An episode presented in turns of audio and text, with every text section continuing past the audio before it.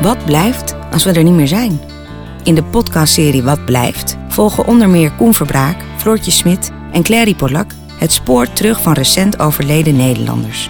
Wat hebben ze echt betekend? Voor mij was op de moeilijke momenten, maar ook op de momenten van zal ik het durven of niet, Erik altijd heel belangrijk. Zullen we ze herinneren als goede of als slechte voorbeelden? Ik heb hem geloof ik nooit gezegd dat ik hem jarenlang een klootzak heb gevonden.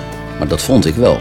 Het is een lange tijd iemand geweest waarvan ik dacht... als hij niet mijn broer was geweest, had ik er weinig mee te maken gehad. Of iets ertussenin? En toen keek ik recht in het gezicht van Wim Suurbier... die op de heetste dag van het jaar een wipje lag te maken. Kijk, dat getuigt toch ook weer van karakter, moet ik zeggen. Wat kunnen we leren van hun levens? De jongen die ooit gepest werd en daar natuurlijk ook heel onzeker door is geweest.